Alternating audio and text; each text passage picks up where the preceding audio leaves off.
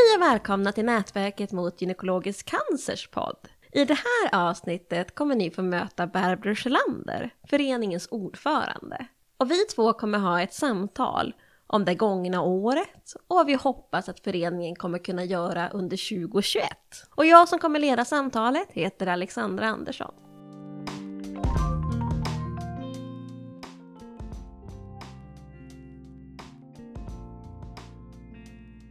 Barbro, vad har hänt det här året 2020 och vad har nätverket mot gynekologisk cancer egentligen uträttat?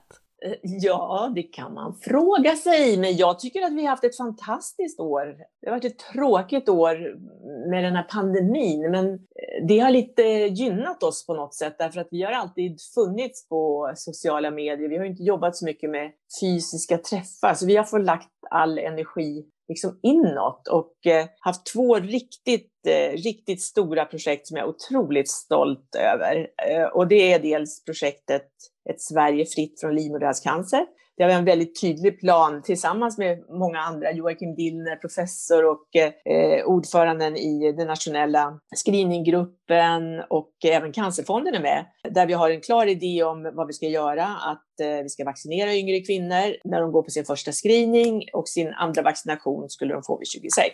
Men sen finns det också en annan del i det och det är att man genom att kvalitetsregistret har en så fantastisk insyn i vilka kvinnor som inte har kommit när de har kallats så vet vi vilka som är långtidsuteblivare. Det innebär att de är del i det här projektet också, att bli kallade igen via sms och få, få möjlighet att få ett hemtest skickat till sig. Och där pågår just nu ett stort test. Det är 3000 som har fått erbjudande just nu om att beställa ett hemtest. Och på så sätt så fångar vi upp kvinnor som löper störst risk att få livmoderhalscancer. Och det projektet har livmoderhalscancerarbetsgruppen jobbat med. Sen har vi en mycket aktiv grupp inom äggstockscancer vi köpte redan slutet av förra året en, en, rapport som visade vilka höga samhällskostnader det finns eh, för äggstockscancer och vad mycket samhället skulle vinna på att eh, få en mycket bättre prevention, en bättre, mer jämlik vård och mer forskning. Så det har den gruppen fokuserat på under året och haft en rad aktiviteter som debattartiklar,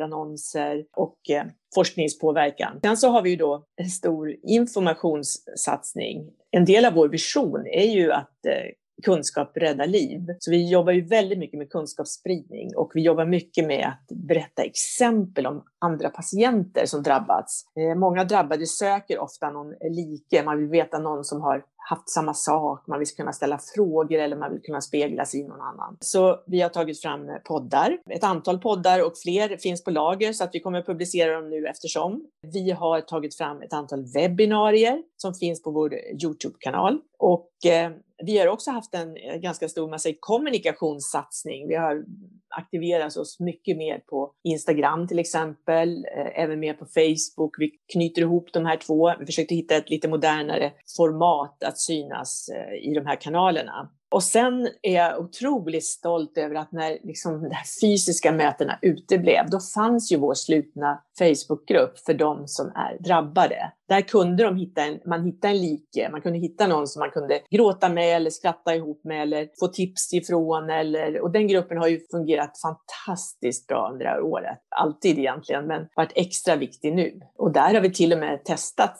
om att låta de som var intresserade mötas via Zoom. Eh, och där man till och med kunde dela in sig i olika rum för att kunna prata med någon som hade samma diagnos eller något. Så det gav lite mer smak. Så jag, och jag är otroligt stolt över jobbet i den här styrelsen och de här arbetsgrupperna. Alltså det är inte bara styrelsen utan det är arbetsgrupperna också.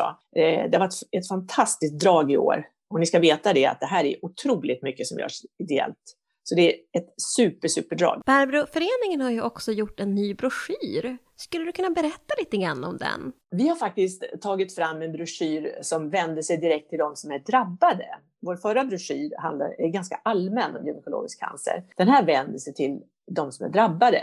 Och för att veta vad man ska skriva i en sån broschyr så har vi vänt oss till vår slutna grupp där vi har frågat dem helt enkelt. Vad skulle ni ha velat veta när ni fick diagnosen? Och då har vi fått en massa bra tips och utifrån det så har vi gjort en broschyr som vi nu kommer se till att den kommer ut på sjukhusen. Den finns också på vår hemsida så man kan läsa den som pdf eller som en länk.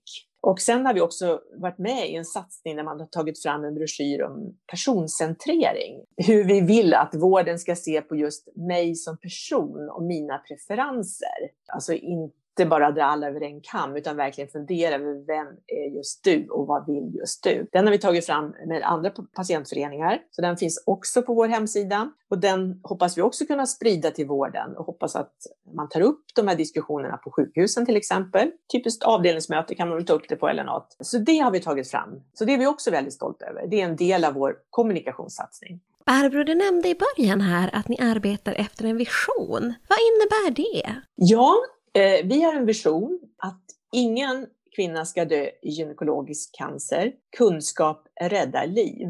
Den visionen har vi framför oss hela tiden när vi jobbar med allt vi gör. Och vi repeterar den hela tiden för oss själva och vi skriver handlingsplaner utifrån den. Och du berättade lite grann att covid-pandemin kanske inte har påverkat föreningen särskilt mycket, men finns det ändå något sätt det kan ha påverkat? Ja, jag tror att det har påverkat oss och vi har sett andra möjligheter att kommunicera, för det är ju faktiskt så att Sverige är runt. Och det spelar ingen roll hur mycket patientföreningar du bildar, du kan aldrig täcka alla orter. Utan helt plötsligt har vi känt att vårt koncept håller. Man kan träffas och prata med varandra vare sig man bor i Haparanda eller i Smygehuk. Det tycker jag har blivit tydligare för oss, att vi är ett väldigt nu modernt sätt att kommunicera. Sen vill man gärna träffas, men just nu går ju inte det. Jag tycker det har påverkat oss att vi har blivit mycket mer kreativa faktiskt. Det har ju också sparat otroligt mycket tid för oss i styrelse och arbetsgrupper. För nu har det ju inte varit tal om att träffas fysiskt. Så ingen har ju behövt resa. Eh, vi har haft alla möten via någon typ av videomöten. Eh, så det har sparat jättemycket tid. Restid har vi istället kunnat lägga på annan tid. Nej, jag tycker att eh, det inte varit negativt om man tittar ur föreningsperspektiv. Sen ur enskilda individer är det ju jättetråkigt att inte kunna träffas. Men ur föreningsperspektiv har det inte varit negativt. Mm. Vet du någonting om det här har påverkat vården av våra medlemmar? Eh, vi har haft eh, regelbundna möten, speciellt med eh, Karolinska Tema Cancer har bjudit in till regelmöten flera gånger per termin nu, eller ända sedan, vi har haft fyra möten sedan det här startade. Eh, och där har man hela tiden sagt att nej, det påverkar inte vården, det har inte påverkat eh, tidsramarna, alltså man håller de tider man har sagt upp för att bli opererad eller behandlad för cancer. Däremot har det påverkat klart enskilda medlemmar att man inte har kunnat träffa sin läkare fysiskt. Man har måste träffas på videomöte eller på telefon, men det har också gjort att man har lärt sig det. Man kanske inte alltid behöver träffa en läkare fysiskt. Man har också skapat möjligheter för anhöriga att kunna vara med, kanske via videolänk. Vi har inte sett att vården har blivit sämre. Det har vi inte fått signaler från i vår slutna grupp heller, att det har blivit sämre. Tvärtom skulle jag säga väldigt lite kritik.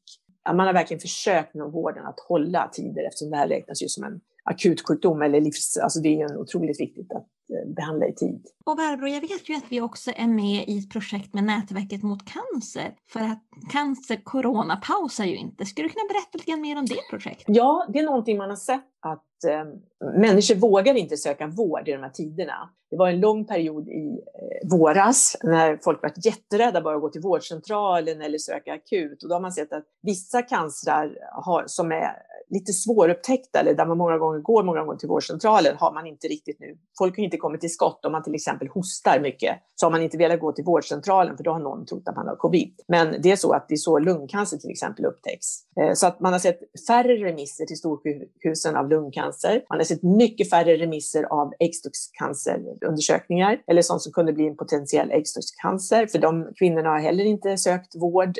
Man har tyckt att äh, det är nog ingenting. Man vill inte gå till vårdcentralen. Och då tycker vi, tillsammans med många andra patientföreningar, att samhället har varit så dåligt på att säga det här till folk. Man hör det lite då och då, men vi tycker att man borde ha sagt det på alla de här presskonferenserna. Uppmana folk att verkligen söka vård om de känner att de inte mår som vanligt, alltså lyssna på sin kropp. Och då har vi tillsammans med flera andra patientföreningar, alla som är med i Nätverket mot cancer. Eh, vi gör just nu en kampanj där vi både skickar ut debattartiklar i alla tidningar ute i landet. Eh, vi försöker påverka på olika sätt genom sociala medier där vi uppmanar människor att känna efter, sök vård. Nu har man sett att det kom lite fler som sökte vård i somras och sen nu när covid slog till igen i våg två så går det ner igen. Det är jättefarligt. Man, om man känner, inte känner igen sin kropp så ska man söka vård. Vårdcentraler är vana att hantera patienter säkert nu, så att det ska inte vara någon fara. Mm. Och vad kommer ni fortsätta arbeta med 2021?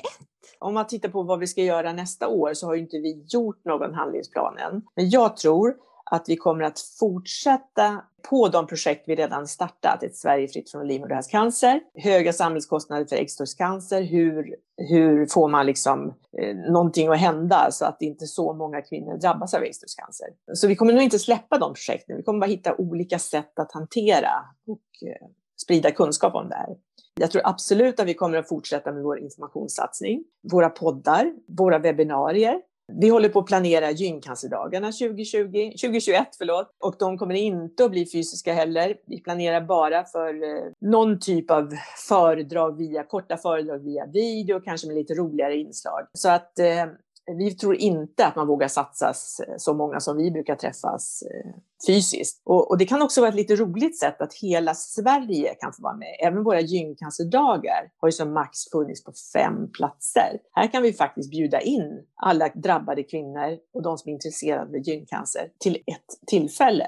Och hur det ska gå till ska vi fortsätta jobba med i januari. Sen så tror jag vi kommer bli ännu mer aktiva på sociala medier. Vår Facebookgrupp är om två medlemmar till så är den uppe i 700 personer. Väldigt många av dem är aktiva. Så där kommer vi fortsätta lyssna på den gruppen. Vad vill de? Vad tycker de? Det gör vi hela tiden. Så det tror jag är eh, det vi... Jag tror att, jag tror att vi... Jag vill att vi ska kännetecknas av att hela landet ska känna att de är med och att de kan träffa andra med samma diagnos och de kan få känna igen sig i patientberättelser, vare sig det är på en podd eller skrivet eller i ett nyhetsbrev eller att man känner att man träffar andra i samma situation. Mm. Och vad kan man som medlem förvänta sig att få ut av föreningen nästa år? Jag tror att man kommer få, precis som nu, väldigt mycket information. Våra nyhetsbrev till exempel, som man får fem gånger per år, där finns ju information om nytt, vad som händer. Genom webbinarier kan man få veta om nya behandlingsmetoder, man kommer att få lyssna på de som är, är satsar inom varje, olika typer av områden. Eh, så mer kunskap tror jag man kommer att få. Jag tror man kan förvänta sig att få mer patientberättelser och det har vi börjat mycket med genom podden nu, att lyssna på andra. Och Eh, ja, jag tror man kan vänta sig att vi jobbar för dem och att vi jobbar för att ingen kvinna ska drabbas av gynekologisk cancer. Ingen ska dö i gynekologisk cancer. Att vi, de ska känna att vi jobbar för att ingen ska drabbas av det här. Och har man drabbats så ska man få den bästa vården, bästa rehabiliteringen och eh, det ska forskas mycket inom det området. Det är sånt som jag hoppas att vi ska bli liksom kända för, att vi driver de frågorna. Och jag tror, eller jag upplever att professionen lyssnar mycket mer på oss nu. Vi är mycket mer kända. Vi blir tillfrågade att vara med på olika saker. Jag vill att alla drabbade och även närstående ska känna att vi jobbar för dem. Och vi jobbar för att deras barn eller anhöriga inte ska drabbas. Vi jobbar med ärftlighetsfrågor också. Så det är vad jag vill att man ska känna. Kommer ni göra någonting särskilt för de närstående nästa år? Eh, ja, vi har pratat om, om en närstående satsning i, under någon av månaderna i början av året. Som jag tror man både kommer att läsa om det på i nyhetsbrev, någon typ av webbinarsatsning. Alltså vi kommer försöka göra en, en satsning på närstående. Eh, vi skulle också behöva köra igång vår, vi har en sluten grupp på Facebook eh, där det finns ett antal närstående med den har inte alls lika mycket aktivitet som den gruppen för drabbade. Så vi skulle vilja köra igång den gruppen lite också. För jag tror närstående har väldigt mycket kunskap att ge varandra och söker liksom andra i samma situation. Ja, vad hoppas du till nästa år? Jag tror att 2021 blir ett ännu bättre år än 2020 och jag hoppas att vi slipper covid och att alla ställer upp och vaccinerar sig och så att vi får bort den här covid från samhället.